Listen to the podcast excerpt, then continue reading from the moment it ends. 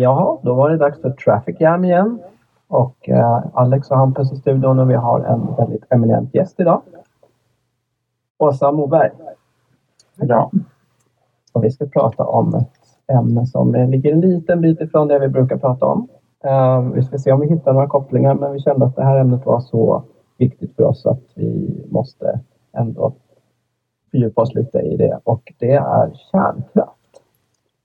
Precis. Så Åsa, du släppte ju i våras då en bok som heter Ett extremt dyrt och livsfarligt sätt att värma vatten. Ja. Det, um, titeln kom till så att boken hade liksom inget arbetsnamn. Hemma hette den bara Kärnkraftsboken och så frågade bokförläggaren Richard Herold vad, vad handlar den om då? Och då sa den handlar om att kärnkraft är ett extremt dyrt och livsfarligt sätt att värma vatten. Och så, men där har vi ju titeln. Jag, jag trodde det var alldeles för långt för en titel. För det, men, men det får gärna vara långa titlar nu för tiden. Och eh, den är ju heltäckande får man säga. Den säger det som jag vill ha sagt. Och ändå var det faktiskt så, skriver du, att eh, egentligen inte först du skrev den här boken som du insett, insåg att det är det som kärnkraft är. Det här ganska banala, att det egentligen handlar om att koka vatten. Ja, Nej, alltså det, det tar ju, jag har ju deltagit i kärnkraftsdebatten aktivt sedan 1979. Och det är ju märkligt att de här som är ute för att slå blå dunster i folkets ögon lyckas inbilla alla att kärnkraft är någon slags underverk. Det är ju absolut inget underverk utan det man vill ha är värmen. Alltså man vill koka vattnet eller man vill värma vattnet för att eh, driva en ångturbin. Och det kan man ju göra på hur många sätt som helst. I, i Sverige skulle det ligga nära till hands och det görs också på många ställen att göra det med biobränsle. Eh, nu för tiden gör man det ju ofta med sopor. Eh, alltså om man, man vill ha ett kraftvärmeverk. Då kan man dessutom ta vara på det varma vattnet också, vilket ju är en fördel. Det är av många skäl inte så lämpligt i kärnkraftverk. Man har provat det bland annat här i Stockholm en ja, gång i tiden. Ja, det var väldigt länge sedan. Det var vår första reaktor, den som låg då i Ågesta. Det var på den tiden när man trodde att det var en helt ofarlig teknik. Så man kunde placera den i Farsta och tro att den inte utgjorde någon fara för befolkningen.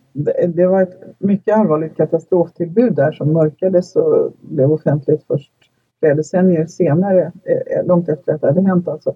Men eh, den var bara i drift i 12 år för det gick aldrig att få någon lönsamhet i den så att eh, Stockholms elverk som drev, alltså som bara påtvingade den mer eller mindre. De ville inte ha den. Man kan säga att vi som bor i söderort är väldigt tacksamma över att det gick så bra, fast bra som det gick. Annars hade vi inte kunnat bo där vi bor. Nej, nej det, det, det, kan man bara säga att det är mycket med kärnkraften när man känner så. Vi får alla vara tacksamma att det hittills och i Sverige och i Europa inte har varit någon stor katastrof.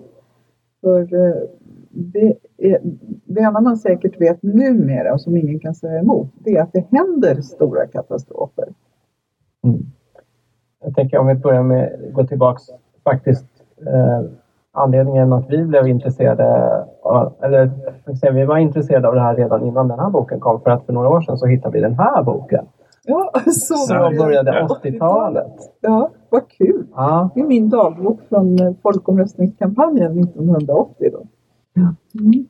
Och den, eh, den väckte mycket känslor tror jag eh, hos oss eh, just från aktivist, som, som aktivister. Den här eh, kampen som man för mot eh, en väldigt oproportionerlig eller så asymmetrisk kamp. Ja, övermakten är verkligen...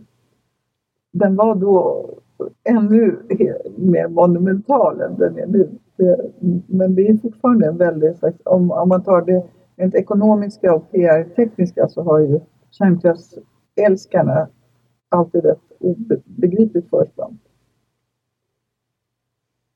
Ja, vi, alltså det, det, är en intressant aspekt som vi reflekterar kring. Eh, just det här att man ändå chockas nästan lite av Sverige. Att det känns ju som det är inte så lång tid sedan och även om det fortfarande finns eh, mycket maktkoncentration så är det ändå enormt stor skillnad Eh, man tänker på hela den, alltså hur media kontrollerades på den här tiden. Ja, visst. Det, och, det, och då kan man bara säga att det är skillnad till det bättre. Det talas ju ofta om det som någon slags pågående försämring med tidningsstöd och så vidare. Och, och man kan säga det, det är ju sorgligt att, att tidningsvärlden koncentreras till färre och färre ägare och att det blir färre och färre dagstidningar.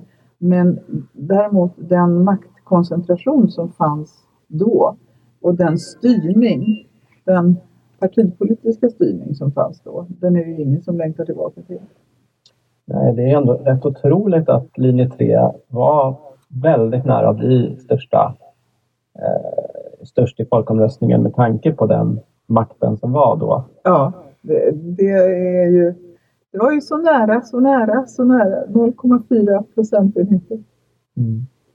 Även om de då hade egentligen riggat det för att det inte att det ändå inte skulle göra någon skillnad rent praktiskt. Nej, det hade ju inte gjort, alltså i praktiken hade det inte gjort någon skillnad. Man kan säga att det var ju Olof Palmes vad ska man säga, strategiska politiska geni.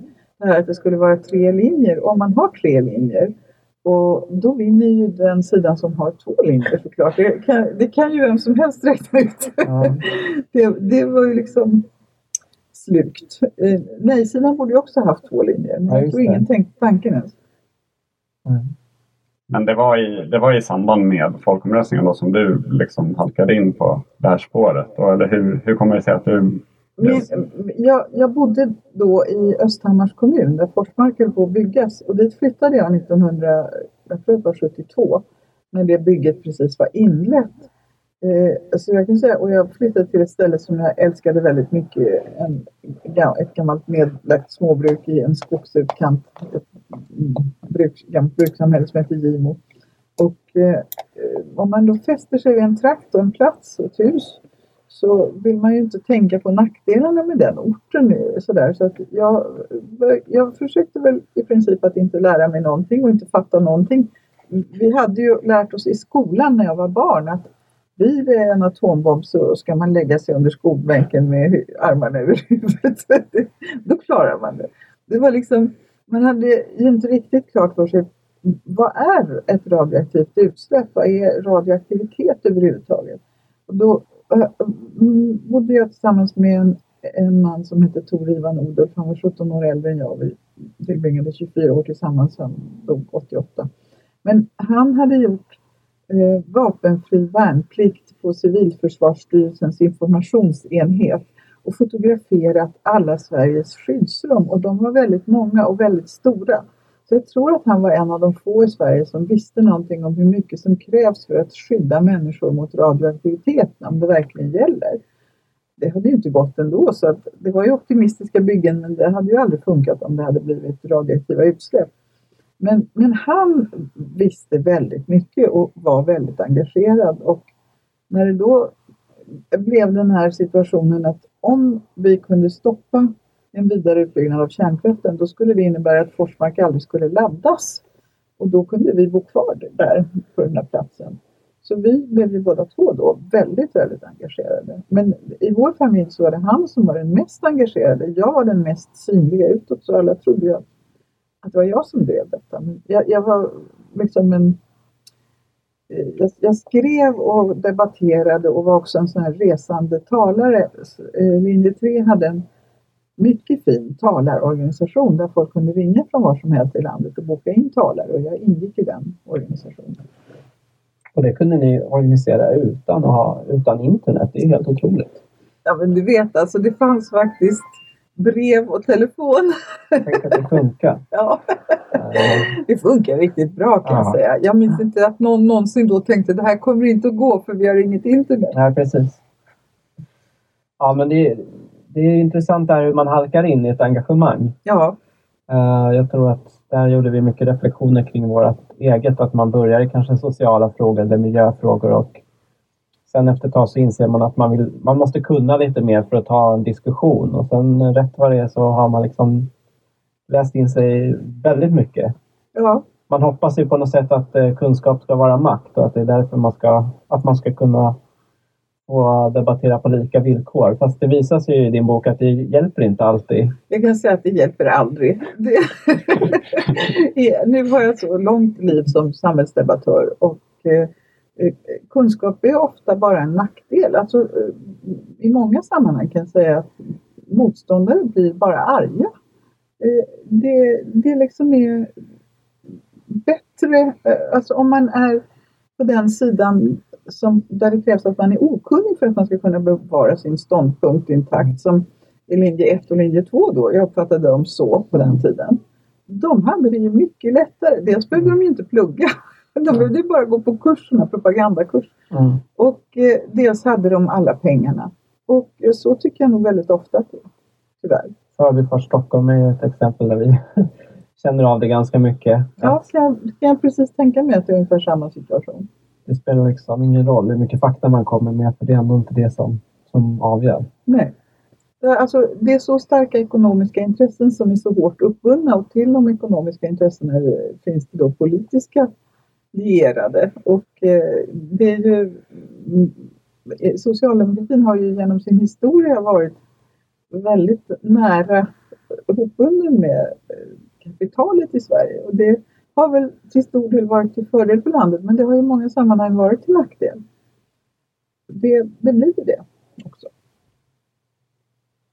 Ja, det var, det var ju verkligen någonting jag reagerade mycket på när jag läste den första boken, den här dagboken. Då, hur, alltså hur det, LO, det verkade vara så extremt jobbigt att ha med LO att göra. Ja. För att de var så fruktansvärt otrevliga och liksom ja. var en av de starkare krafterna som liksom åtminstone utåt drev på. Ja, nej men de var ju en, en demagogisk organisation som alltså talar om att ointresse av sakfrågan. Jag tror att många där drevs av en uppriktig tro att de hade rätt i sak. Men, men eh, det, det fanns ju en demagogisk eh, hållning och en, eh, en hållning av att förringa och eh, verkligen förlöjliga motståndarna som, som de ju körde väldigt framgångsrikt. Men jag tror att den eh, jag tror ändå att det var ett internt partipolitiskt misstag för jag tror att de klyftor som, som då, de klyftorna som fanns efter den svenska atombombsdebatten som ju hade varit ett eller två årtionden tidigare, de fördjupades så enormt så att det har aldrig gått att klappa ihop den där sprickan i det socialdemokratiska partiet. Många lämnade partiet och många blev kvar men som liksom en slags inre opposition. Vi får väl se. Det ska bli väldigt intressant att se eh, om, om det nu blir ett regeringsskifte, om, om, om, parti, om partiet hämtar sig. Om Stefan Löfven kan hantera det här bättre än hans företrädare lite svårt utgångsläge eftersom man har sån välkänt inte neutral position. Ja, fast, fast då kan man säga att om partiet någonsin ska överge sin gamla linje så måste det nog ha en, en ledare som hörde till den sidan. Det är lite mm. som den här när, när Nixon eh, började förhandla med Kina situationen. Alltså, bara en riktigt ärkekonservativ typ som kunde uppta förbindelser med kommunismen. Ingen annan skulle, ha, ingen demokratisk president i USA skulle ha kunnat göra det. Det, det, är, det är mycket som Fredrik Reinfeldt har kunnat göra som man aldrig hade trott. Alltså, det, finns många, det finns många hjärtefrågor som en partiledare kan överge när han har kommit till makten.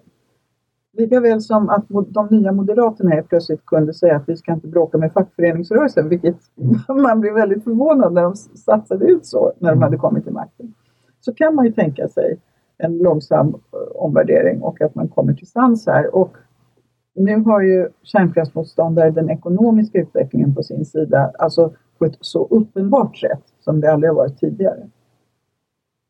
Kärnkraft har aldrig varit någon bra affär ekonomiskt det har aldrig sålts en reaktor i världen med vinst. Men, men eh, själva kärnkraftverken har ju tjänat in pengar till sina ägare. Så det har inte varit så uppenbart som det är nu att det här är en dålig affär ekonomiskt. Det är ganska positiva eh, framtidsutsikter ändå. Ja, det är det. Det är många reaktorer i världen som avbokas just nu därför att de ekonomiska kalkylerna inte är hållbara. Senast eh, i Tjeckien är det några och två, två reaktorer tror jag som man har avbokat där. Och eh, det är också det folkliga motståndet har ju tagit nya, alltså har ju liksom vuxit till nya höjder efter Fukushima.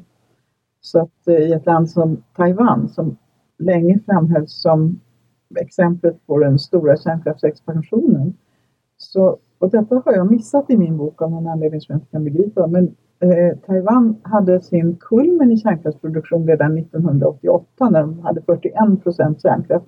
Nu är de nere i 19 procent. Och de har sex reaktorer i drift och de två senast byggda, en är helt färdig och en är 90 procent färdig. De kommer inte att tas i drift. Och debatten nu gäller om det ska vara folkomröstning om det här eller inte. Men eh, de är alltså sealed som det står på engelska. I malpåse sa vi på svenska när vi hade sådana.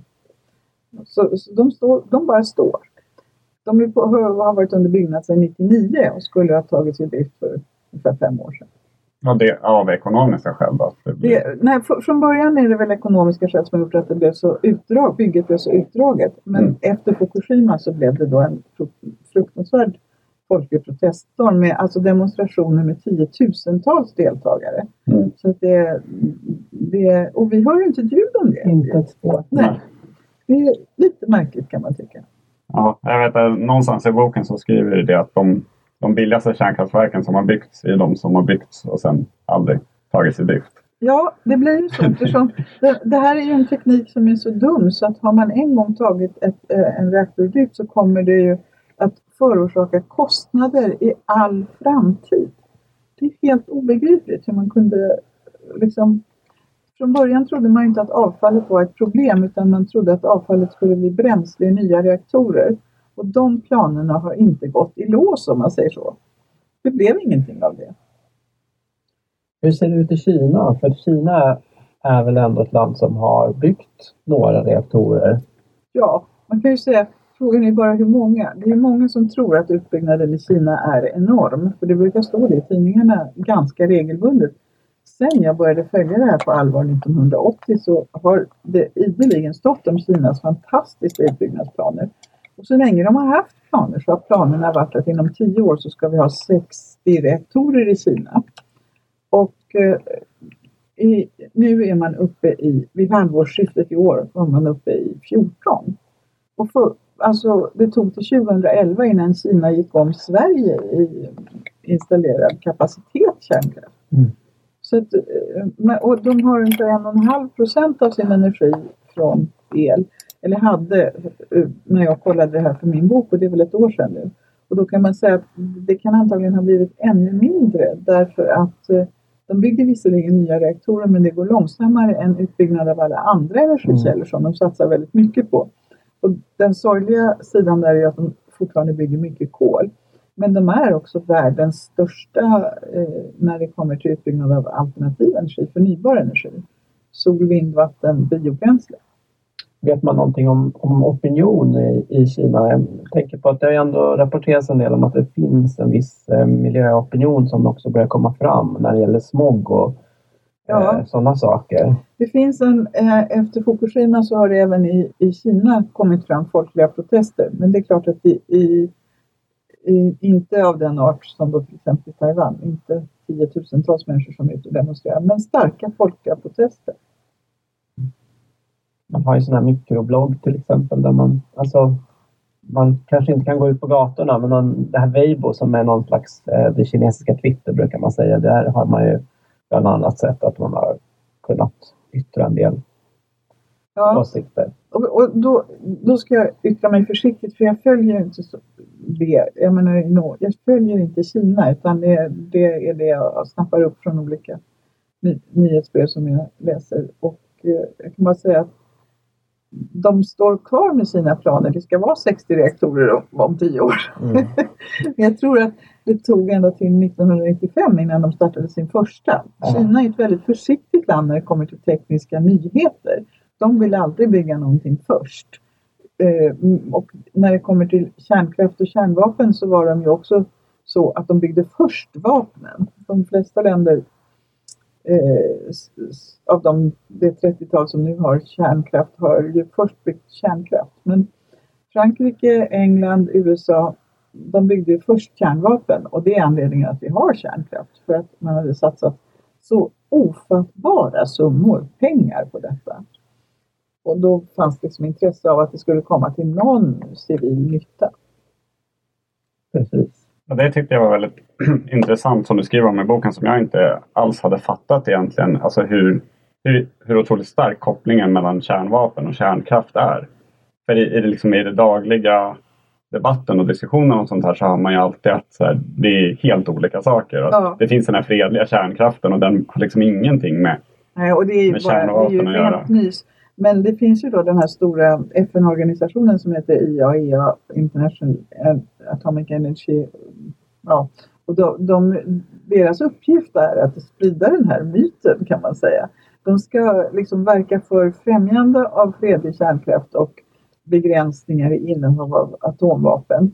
Men, eh, men deras generaldirektör har varit svenskar under större delen av den organisationens liv. Först en som heter Sigvard Eklund och sen en som heter Hans Blix. Och eh, de är ju väldigt, eh, Blix lever ju än och är väldigt behjälplig att sprida den här myten. Så att, de har ju st stora resurser för sin propaganda. Ja, det förklarar ju varför alltid, man alltid blir så förvirrad när man läser om så här eh, sådana här kärnvapeninspektörer och ofta är jag, tidigare har jag varit i Irak och nu Iran på sistone och det är alltid så svårt att greppa. Men vad är det de tittar efter? För de vet ju att de har kärnkraft. Men då är det någon slags eh, process och ja, det, det... man blir liksom inte klok på vad det är som är... Nej, och det, man kan säga att det är ju heller egentligen inte så intressant. Men det de tittar efter är anrikningsmöjligheterna för att det, det krävs en annan Eh, alltså det ska vara mycket, mer, mycket större koncentration i det som används i vapen än i det som används i reaktorerna. Men råvaran är det som kommer fram i reaktorerna. Så i Sverige också, det var anledningen att, att Sverige ville ha kärnkraftverk, det var att vi ville ha atomvapen. Och i de svenska besluten, det lilla som finns protokollfört, för man var väldigt noga med att protokollföra så lite som möjligt av det här, men där framgår det att det inte är så noga vilken... Vi behöver inte bestämma än vilket vi ska satsa på, liksom. elkraften eller bomberna, för att det är ju samma teknik vi kör. så det, det, och det, kan, det går liksom inte att förneka. Det, det är bara, alltså sakligt är det bara så. Och nu är det också en stor diskussion i USA till exempel, alltså i fackkretsar, säkert inte bland allmänheten, om om man ändå inte ska försöka få fram en reaktortyp som kan använda allt det vapenplutonium som man måste bli av med för man har enormt mycket kärnbränsle. Nu används ju inte atombomberna och de är en färskvara. Så man måste liksom på något sätt göra någonting med det plutonium som man har i dem. Och det är inte användbart i de reaktormodeller som man har nu. Men kunde man inte konstruera något nytt där man kunde använda det? Så att den här myten kommer ju få sig många törnar. Härligt. Ska vi ta och köra en låt? Det låter bra. Ska vi se här. Vi tar eh, Atomreggae då med KSMB.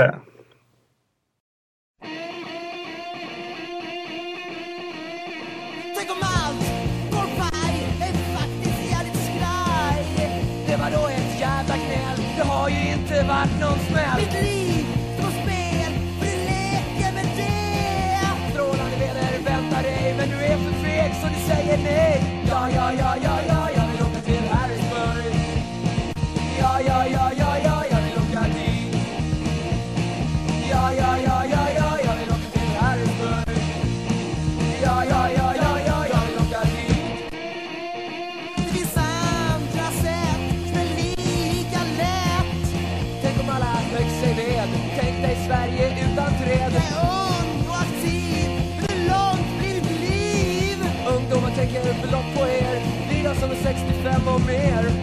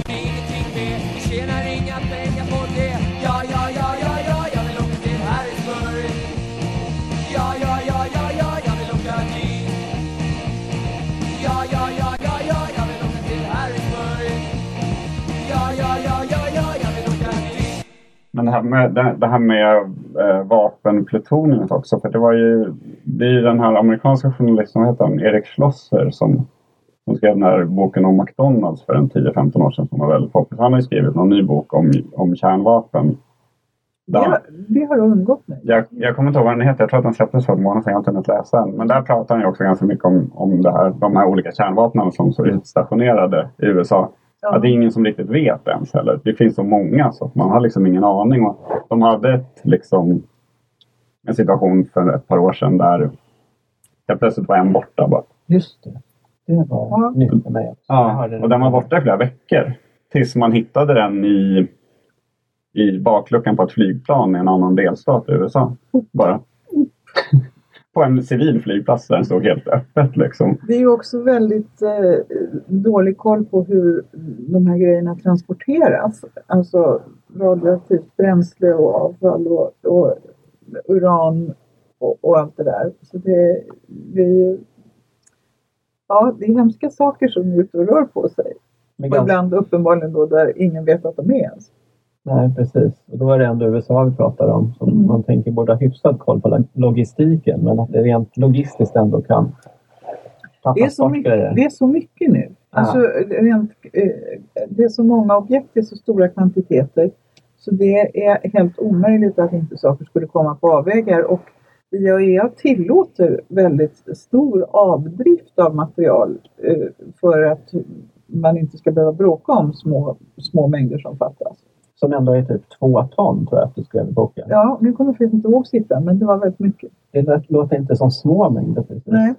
Nej, och om man tänker på den aktionen som Greenpeace gjorde i, ganska nyligen också. När de tog sig in på De gör, Det var ju väldigt enkelt för dem att ta sig in på områdena där liksom. Greenpeace gör ju sådana aktioner, eh, jag, vet, jag- jag skulle tippa att det är regelbundet, men i alla fall både i Frankrike och i Sverige har de ju gjort i flera år. Mm. Och eh, det har ju lyckats varje gång de har försökt. Så det är ju eh, jättemärkligt. Jag har träffat folkkampanjsaktivister, damer i min egen ålder, alltså typ 65-70 års åldern, som av misstag har kommit ganska långt in på Forsmark eh, förra året när de när de skulle träffa en tjänsteman som de inte fick fatt i. Så att det, det är liksom det här att det är sån järnkoll, det är nog väldigt svårt att upprätthålla i så stora anläggningar.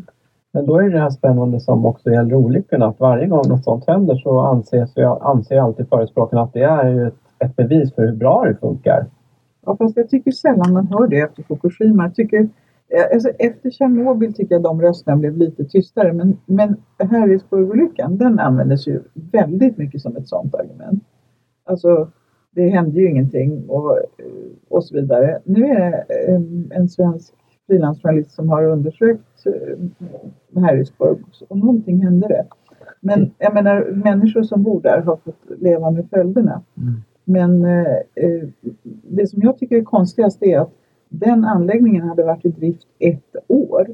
Och om man har en, eh, alltså idag kostar en ny reaktor kring 50 miljarder. Om man har en 50 miljarders anläggning som man riskerar att förlora efter ett år. Är det inte en nackdel för den tekniken? Det, och, jag menar de som tycker om kärnkraft de är ofta väldigt, de använder ofta ekonomi som argument. Det går inte längre men de har gjort det i många år. Men det har aldrig varit ett argument. Det är liksom, okej, man kan förlora allt över en natt. Det är inget att bråka om. Det låter ju som väldigt höga risker i förhållande till vad man kan tjäna på en sån investering. Ja, och man kan säga att Tjernobyl och Fukushima har det gemensamt att det är sex reaktorer på båda ställena som gick åt helvete. I Tjernobyl var det fyra i drift och två under byggnad som var nästan färdiga. De fick inte heller tas i drift. I, eh, Hans Blix säger i en, i en eh, bok som kom ut nyligen att eh, de hade gått i 40 år, de fyra som var i drift, så de var avskrivna. Men det hade de ju inte alls. Den som exploderade eh, hade gått ett par år och eh, i genomsnitt hade de gått 12 år de andra. Och två stycken hade alltså inte gått alls, de var inte tagna i drift men de var nästan färdiga. Och i Fukushima hade de ju gått längre, men det var också sex reaktorer som, var, som liksom blev utslagna över eh, ja, på en timme. Eh, eh, det är fruktansvärt stora nackdelar med att ha en, så, en sån koncentration av elproduktion i en och samma anläggning. Ja, jag tycker, ja precis. Och det leder ju lite in på den här frågan om liksom, alltså, vad, vad är det för typ av samhälle som, som man skapar när man bygger sådana här äh, anläggningar som, som kräver stabil, som extrem stabilitet och förutsägbarhet under liksom, eh, tidsmängder som inte alls går att överblicka. Jag, jag tror att det, i varje fall att det, det var du som skrev om det i den här boken också. Just att så här, ja, det var ju tur i varje fall att eh, Tjernobyl, att det skedde i en diktatur.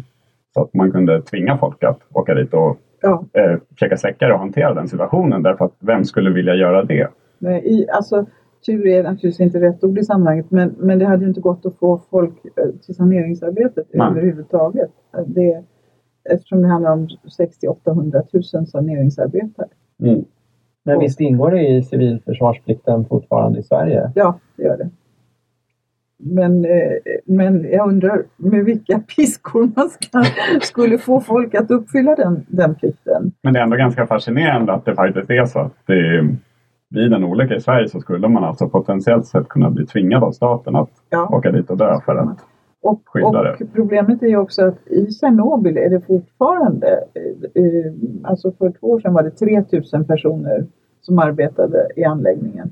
Och det kan hända att det är fler nu eftersom de ska bygga den nya sarkofagen. De byggde en sarkofag, en betongsarkofag runt den exploderade reaktorn och eh, den sprack ju. Det visste man redan när man byggde den eftersom det var en sån enorm värmeutveckling. Men eh, så nu bygger man en ny och jag vet inte hur långt det har kommit. Mm, men då är det väl antagligen fler ändå som jobbar där. Och i Fukushima är det också mellan 3 och 4 tusen personer som arbetar nu. Så det är ju... Eh, och hur man får dit dem, för, Japan är ju ingen diktatur så jag vet inte hur man får dit dem. Men Japan är ju ett väldigt pliktmedvetet samhälle. Och man har något frivilligsystem så att äldre, eh, alltså man ska ju inte skicka dit unga för de utvecklar cancer snabbare. Men sen finns det ju, jag tror ganska välbelagda uppgifter om att maffian är också inblandad i, alltså den japanska organiserade brottsligheten är också inblandad i att skaffa fram arbetskraften. Ja. Jag, jag, jag tycker nästan att det, det var liksom lite så...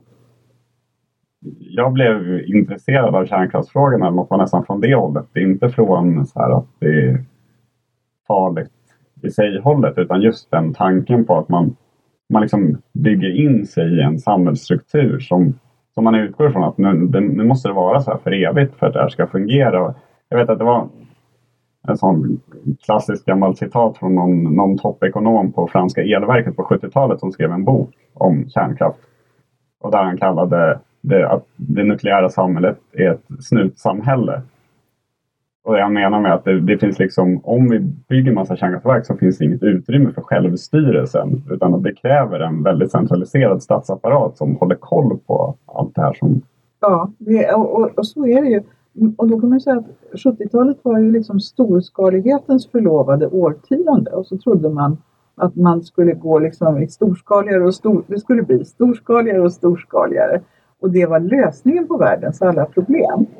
Och nu är vi ju väldigt eh, medvetna om att det var inte lösningen på några problem. Och, och då försöker man liksom eh, bryta ner de här strukturerna. Och det låter sig göras eftersom eh, nu är ju revolutionen i kraftproduktionen, den ligger ju till exempel i elnäten, alltså sådana här smarta elnät och så. Att man hittar på system för att hantera de små alternativa och intermittenta elkällorna som det heter. Det betyder att de är på ibland och av ibland. Ibland är det sol, ibland är det inte sol, ibland är det vind och ibland är det inte vind. Och då måste man ha smarta elnät som kan hantera de här. Men, men det som ingen talar om är ju att det finns inget som är så intermittent som kärnkraft för helt plötsligt är den ju av och ibland sex reaktorer åt gången. Men även i Sverige har vi haft under mindre dramatiska omständigheter men vi har ändå haft vi har haft brand i Ringhals, vi har haft manetstopp i Oskarshamn. Vi har haft stopp av väldigt många konstiga och oväntade an, anledningar. Och då är bara väldigt mycket ström borta. Precis. Det, det, små, alltså det småskaliga och flexibla samhället är såklart mycket bättre, eh, i synnerhet ur beredskapssynpunkt. Alltså om, det, om det blir eh, bekymmersam situation i världen så är det klart att man ska ha många små eh, elproducenter. Det kopplar väl också till ett ord som börjar bli ganska populärt som resiliens. Att man tänker på hur man skapar ett, ett mer motståndskraftigt samhälle som kan alltså, alltså hantera olika typer av okända problem. Ja. Men, men, men- och då kan man säga att vi, vi, vi, går, ju på no, vi går ju på två spår där. Vi, vi har större flexibilitet men vi har ju också, även med de nya så, om säger, goda teknikerna, så har vi ju en enorm sårbarhet. Man ser ju som eh, när, när översvämningarna slog ut hela Mölndals kommun i princip, alltså hela, hela informationssystemet och hemsidan och rubbet. Så att man inte ens kunde informera medborgarna. Så vi har ju mm, Alltså den datorteknik som gör att man kan sprida saker på ett smart sätt, den är också känslig. Mm. Men jag, jag tänker också på det att visst är det så att Sverige är, det är ett av de större kärnkraftsländerna. Ja, alltså sett till eh, befolkningen. Ja, absolut. Så är det.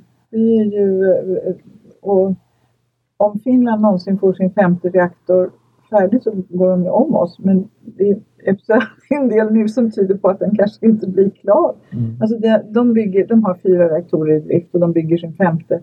Den började byggas 2006, skulle vara klar 2009. Och sen har det liksom för varje gång de ska säga när den är klar så blir det lite senare. Och nu är det, senast jag såg något så var det tror jag, 2018. Så frågade jag en expert som följer det här väldigt noga om, han sett någon ny siffra. Och då sa han nej, men jag har sett att de har slutat ange någon tid överhuvudtaget. Det, är ju, det finns inte längre en beräkning för när det här ska bli klart. Och då kan man säga att det ansluter sig till en trend i, i kärnkraftsindustrin som är längre och längre och längre byggtider. Och det, det är ju inte heller något som talar till den här kraftkällans fördel. Nej, och så, men om man tänker liksom i, i spåren av Fukushima så åtminstone i, i vissa länder i vår närhet har det varit en väldigt livlig debatt och som då Tyskland som har bestämt sig för att avveckla allting till 2022. Är det va? Mm. Medan vi i Sverige snarare har man känt som att det har gått åt motsatt håll här med den energiöverenskommelsen som Alliansen hade. Alltså, Ja. en, energiöverenskommelsen som Alliansen hade, den var ju mindre kärnkraftsvänlig än, än, det, var, än det såg ut. Alltså, jag tror faktiskt att Maud Olofsson lite grann lyckades lura de andra där eftersom hon fick med sin viktigaste punkt som var det kan få byggas nya reaktorer men bara där det redan finns och inte med något statligt stöd. Och eftersom det aldrig har byggts någon reaktor i världen utan statligt stöd så då, då finns det sen frågan vad är statligt stöd? Och det finns fortfarande inte, det är inte definierat i den svenska riksdagen än. Och, inte i EU heller. Men EU håller nu på att pröva det. För eh, om Storbritannien vill bygga en ny kärnreaktor, fransk, eh, och det går bara med statligt stöd, både från Storbritannien och Frankrike. Så om man kommer fram till att det som de tänker ställa upp med inte är statligt stöd, vilket är fullt möjligt, då, då kan det öppna för, för att, eh, så att säga, franska skattebetalare får mm, betala för en ny svensk reaktor och då kan det bli oroande. Men jag tror att utsikterna för det ändå är ganska små. Tack och lov. Ja, det låter ju bra. För jag tänker att även statligt stöd, det borde ju räknas in det som att staten tar ansvar för att försäkra saker som försäkringsbolagen inte vill gå med på. Ja visst, men där, det, det verkar som, det har man på något sätt bestämt sig för att räkna bort i alla Okej. sammanhang. Mm. Det, för det, är ju, det, var ju, det lossnade ju inte för kärnkraftsindustrin i världen någonstans förrän den lagen kom, den som heter Price Anderson Act i Amerika på, i början av 50-talet. Och som, den lagstiftningen är sen kopierad i alla länder som har kärnkraftverk. För det går ju inte att få något Alltså privata investerare är ju vettigare än att de satsar på någonting som kan kosta pengar i all evighet Mm. utan att producera något. Vi har pratat jättemycket nu om, om kärnkraftens problem och varför den egentligen är typ omöjlig. Men samtidigt finns ju den här närmast religiösa tron som kommer tillbaka så mycket i boken och som vi har också reflekterat kring. Det är någonting som handlar väldigt mycket om ingenjörer och mycket om män. Det är en jättestor eh, genusskillnad, alltså en jättestor skillnad när man frågar män eller kvinnor om kärnkraft. Ja, och det är konstigt nog i alla länder. Vad, vad är grunden till den här, alltså som ju ändå då 60-talet och framstegsoptimismen och så här, men att det ändå fortfarande finns ett ganska starkt sånt tryck på de här frågorna. Ja, om jag kunde förklara det. kan jag inte förklara. Metafysiska. Jag kan, jag kan inte förklara det. Alltså det finns ju väldigt många underliga skillnader mellan kvinnor och män. Om man undersöker attityder till flyktingmottagande och sånt där så är det också mycket öppnare sinnen hos kvinnor.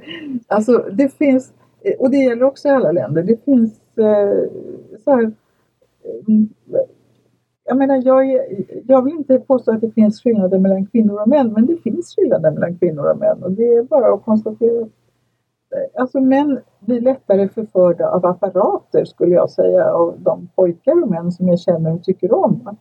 Det, det även i det, så här, i det lilla vardagslivet så är det en, en skillnad där.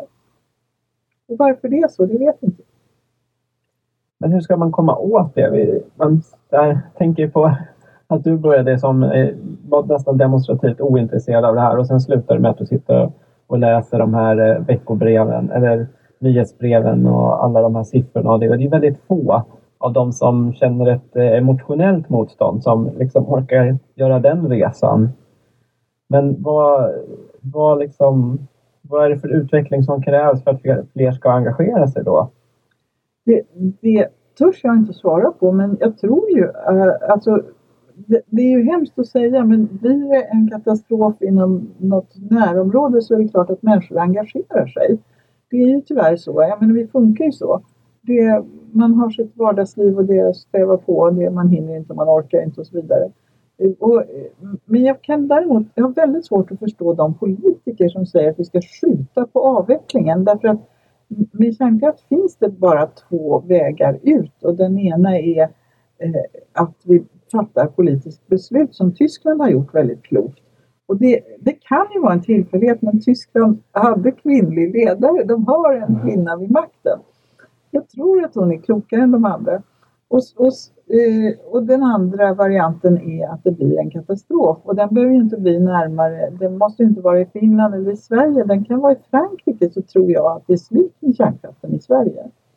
Det, liksom, det blir väldigt svårt då att motivera att vi ska ha kvar den här kraftkällan som vi vet att den är väldigt farlig men vi fattar inte förrän det händer någonting nära oss. Hoppas det inte händer i Forsmark kan man säga när man sitter i Stockholm. Ja, men om man ändå tänker, det har ändå varit så pass många liksom, nära på situationer Ja, i Sverige. ja, Så, så att jag tänker alltså folk som folk som vet, man, om man på något sätt jobbar liksom politiskt eller tekniskt med den här frågan så måste jag antar att man någonstans så vet man ju om det här. Det kan Men inte om- helt ha gått en förbi i varje Nej, fall. men då, Sen har man skygglappar på. Men... ja, men då tror jag också att man tolkar det på det här sättet. Det visar att det här är en säker teknik. Vi Ja. klarade det. Och då, då kan man bara säga, då visar alla utredningar att det inte alls eh, för att det är en säker teknik utan det är slumpen och turen eh, som gör att det inte, blir, att det inte går värre. Mm. Ofta är det ju så när det blir eh, katastroflägen att det går inte ens att tolka informationen i kontrollrummen utan det, man, eh, man går på intuition eller på panik och ibland går det ibland går det inte. Ja, för så var det väl i Ågesta när de, Ja, de, de stängde av det manuellt och hoppades på att Ja. det hade funkat. Ja. Och sen gick de bara. det, och jag menar i, i, eh, i Forsmark när det var den här eh, och det var 2006 tror jag som var det sen- senaste riktigt svåra tillbudet i Forsmark där det kunde ha gått riktigt, riktigt illa. Och, och då fick de också på något sätt använda, ja, det gick inte att förlita sig på, på den information som fanns. Ja, för det var ju strömavbrott. De Ja. hade ingen el. Nej. Och det, nu efter Fukushima så har det blivit väldigt mycket hårdare regler för att det måste finnas eh, dubblerade elförsörjningssystem. Och det blir ju dyrare för alla, särskilt då för alla befintliga reaktorer för det är alltid dyrare när man ska bygga till något i efterskott Men det måste finnas eh, oberoende elcentraler som förser det interna informationsnätet och det interna nätet. Det ska inte ha sin ström från reaktorn för då blir ju allt utslaget vid en katastrof. Ja. Det låter inte som något som man skulle behöva ha en katastrof för att komma på. Eller? Man tycker det, Nej. precis. Va? Men jag kan säga att eh, det måste vara så sent som förra sommaren, det var när jag satt och slutjobbade med min bok, så kom det besked om att det här är det som nu då var den senaste förseningsorsaken i Finland. Hur man ska lösa den här dubbleringen av, eh, av alltså att det blir helt det ska finnas liksom två helt separata säkerhetssystem och en separat elförsörjning. Och den är inte inritad från början. Och det är världens modernaste reaktor. Det är en prototyp. Ja, Men jag tycker också apropå det här med den här liksom framstegsoptimismen och så att det är ju fascinerande för du, du, i, i boken så går man ju tillbaka nästan 70 år om inte mer i tiden. Och det är ju nästan exakt samma. Alltså argumentationen har egentligen inte förändrats från de som förespråkar det. Men, Man väntar fortfarande på samma sak ja, som kommer om 15 år. ja, om 15 och 20 år. Det, det, det enda man kan säga är att alla de här drömmarna skjuts upp. De skjuts lite framåt i tiden hela tiden. Eh, alltså, det var ju så när man presenterade den teknik som vi har idag som heter fissionsreaktorn med lättvatten i, i och uran, anrikat uran. Då. Då skulle man ha den tekniken i 25 år och sen skulle man få bridreaktorer och bridreaktorerna skulle gå på det bränsle som hade varit använt i de här. Det var därför man inte tänkte sig att det skulle bli något avfallsproblem för att avfallet skulle driva nästa generations reaktorer. Och så fick man aldrig de där att funka. Och sen tänkte man sig att de skulle också bara behövas en kort tid för sen skulle man ha fusionsreaktorer. Det är en, annan, det är en helt annan princip och där ska man göra el med solen som förebild fast inte det här lite rimliga att man fångar solens energi som ändå strömmar in på jorden hela tiden. Utan man ska skapa en hetta som är lika stark som solen. Då måste man ju först skapa en, en, omgivning med material som klarar den där hettan. Man har inte ens, kommit, man har inte ens klarat det steget än. Nej. Och, det, och det här är också en sån grej som jag tänker att det är liksom som då en politiker i någon form av beslutsfattande eller någon som gör de här utredningarna av att ja, oh, vad heter de nu de som håller på med kärnavfallet? Och, SKB. SKB, just det, Mm. precis. Det, det, det, vet, det här måste man ju också veta om. Att, ja, nu har vi sagt samma sak i 70 år. Och då är det klart att ja, det finns ju någonstans något ekonomiskt intresse då som trumfar det. Och det, det kan jag ju förstå att det finns ett intresse från de som bygger kärnkraftverk och från vissa elbolag. Men jag tänker, alltså hur, hur pass stort är det? För kärnkraften står ju ändå för en relativt liten del av elproduktionen. Vad är det, kring 10 procent i världen eller något sånt? Ja, det, jag tror att 13 procent var den senaste siffran jag såg och den är ju sjunkande Ja. eftersom det, det tas inte, alltså antalet reaktorer minskar för det tas inte tillräckligt många nya i drift för att ersätta de som stängs.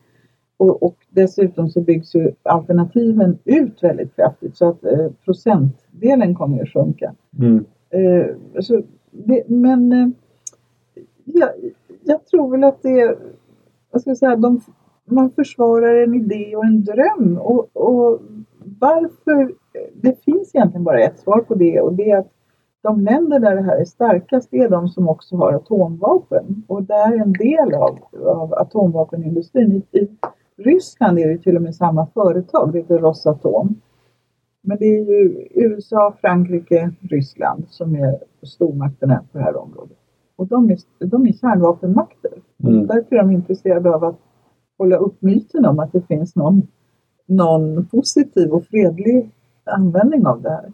Ja, men om man tänker som eh, då i, eh, här hemma i Sverige så känner man att det finns ju det är inte en jätteaktuell fråga huruvida vi borde skaffa en atombomb eller inte för tillfället. Men, Men den, alltså den tror jag faktiskt att vi lyckades avföra Ja. helt. Vår, vår, formellt på 60-talet och i praktiken på 70-talet. men det finns fortfarande väldigt många som verkligen alltså, brinner för kärnkraften på ett sätt som man har svårt att... Alltså det är en passion. Ja. Man tänker på folkpartister framförallt många. Det är verkligen någon, Det är alltså det är liksom en... Hans Blix är folkpartist. Ja, Jag tror han har misslett hela sitt parti. Men de var också ett väldigt kluvet parti. Det var många folkpartister som var på linje 3. Och de har väl förmodligen inte heller kommit till rätta med den här klyftan, men genom att de har en partiledare som är så här rabiat kärnkraftsvän. På ett, eh, jag, jag, eftersom jag har debatterat med honom i TV så kan jag bara konstatera att det är helt obegripligt att en människa kan ha debatterat en fråga i så många årtionden och lärt sig så lite, för han visste ingenting. Precis som vi sa så är det det som är verktyget. Du återger ju i boken en riktigt otrevlig incident när du till och med mer eller mindre trycker upp en statlig utredning i ansiktet på människor som är anställda på Forsmark för att du vill att de ska ta debatten om fakta. Men det går inte det heller. Nej, det var ju alltså stämningen i folkomröstningsdebatten var ju sån. De ville inte ha med fakta att göra. Det var ju bara så. Det, det finns ju också ett faktum som är klarlagt nu i flera utredningar och det är att kärnkraft är ju inte ens en klimatvänlig energikälla som de som tycker om den har hävdat hittills. Alltså den är inte koldioxidneutral. Och där har Konsumentverket gjort en stor insats i debatten genom att fastslå att man får inte använda eh, sådana uttryck. Eh, alltså kraftbolag får inte påstå det i sina annonser. Och det tror jag har en jättestor betydelse. Även fast ingen vet om det. Men jag försöker i alla fall sprida kunskap om det i min bok. Ja, för det var ju också, det var inte alls länge sedan det var ett stort upprop som jag tror också var uppe på, det var uppe i svensk media av massa internationella klimatforskare som var så här, kärnkraften är vår sista chans. Ja. Det var ju bara ett par månader sedan Ja. det var. Och det snabbades ju upp i, jag vet det var någon stor artikel i DN och så. Ja, Liksom. och det, det är helt obegripligt. Det, dels är det obegripligt att internationella klimatforskare går på något sånt. Och sen att, att svenska medier inte, alltså, att det inte finns journalister som ifrågasätter det. Därför, alltså problemet med kärnkraften är ju, man kan säga om man älskar den så kan man säga att det blir lite utsläpp i själva kraftproduktionen, i själva kärnkraftverket. Men för att bygga ett kärnkraftverk och för att riva ett kärnkraftverk och för att hantera avfallet så går det åt enorma mängder eh, vad ska jag säga, klassiskt eh, koldioxidproducerande råvaror som betong och, och transporttjänster. Och, eh, alltså miljöeffekterna är helt jättelika och uranbrytning ska vi bara inte tala om. Mm. Den är förfärlig och den är eh, en av de största miljöfarorna som, som finns därför att eh, uranbrotten är dagbrott och de lämnas ofta bara rakt av när de inte är lönsamma längre med eh, alltså radioaktiva radonhögar i öppen dag. Ja, det påminner lite om den, den debatten som vi som håller på mycket med trafik ofta får ta kring så kallade miljöbilar. Det, lite, det blir lite samma form av argumentation att man tittar bara om man tittar precis här i, av, i avgasröret typ, eller i Mm. reaktorn så där kommer det inga koldioxidutsläpp. Det är väldigt svårt att liksom föra en diskussion kring en hel livscykelanalys av Ja. någonting. Men vi kan ju säga att livscykelanalyser har ju ändå börjat komma. Och det är ju väldigt bra. För man, man kan liksom eh, presentera olika och säga jag har räknat så här och du har räknat så här. Men, men det går att göra dem i alla fall. Mm. Det är ju någonting som inte gjordes till exempel då 1980 när, när folkomröstningen var. Det fanns inte, det tänket fanns inte. Skönt att höra att det finns eh, saker som är positiva. Vi har väl eh, känt ganska positivt just vad det gäller utvecklingen. Sen har, står vi kvar med en fruktansvärt avfallshög som så småningom ska tas om hand om. Men det tror jag att vi får prata om en annan gång. Ja, Ja, men en, sak, en sista sak i alla fall som jag känner skulle vara lite intresserad av. Du som har varit med i då den här antikärnkraftsrörelsen i, vad blir det nu, 35 år eller något sånt ungefär? ja Sen nej, 79, 45 ja. år, är det inte det? Är det 45? Nej, 30, 35 år. 35, förlåt. Ja. Jag har varit aktiv eh, liksom, Precis. skribent och debattör i 45 år. Va, hur, liksom, va, hur, har den, hur ser det ut? Alltså man förstår ju att den, det var väl en enorm nedgång kan jag tänka mig efter omröstningen.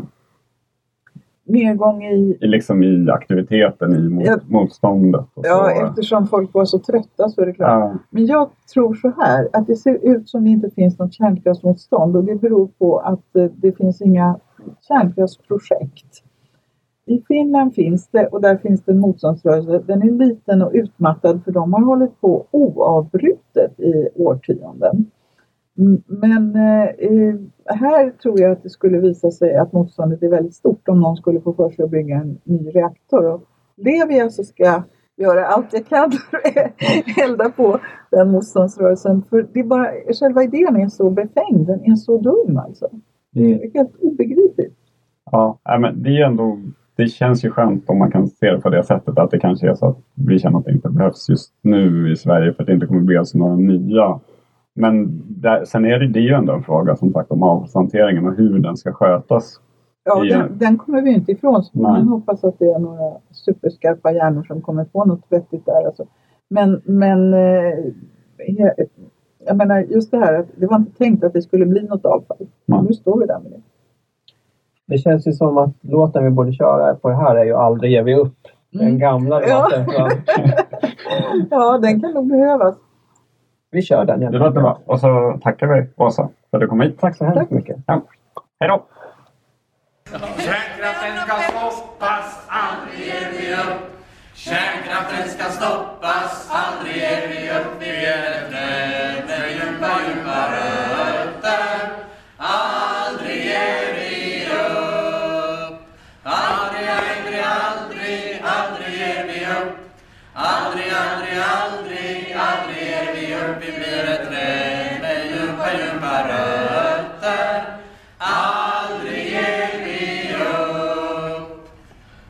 Kärnkraften ska stoppas, aldrig ger vi upp.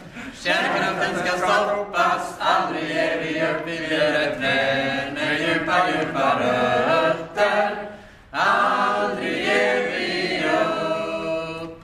Aldrig, aldrig, aldrig, aldrig ger vi upp. Aldrig, aldrig, aldrig.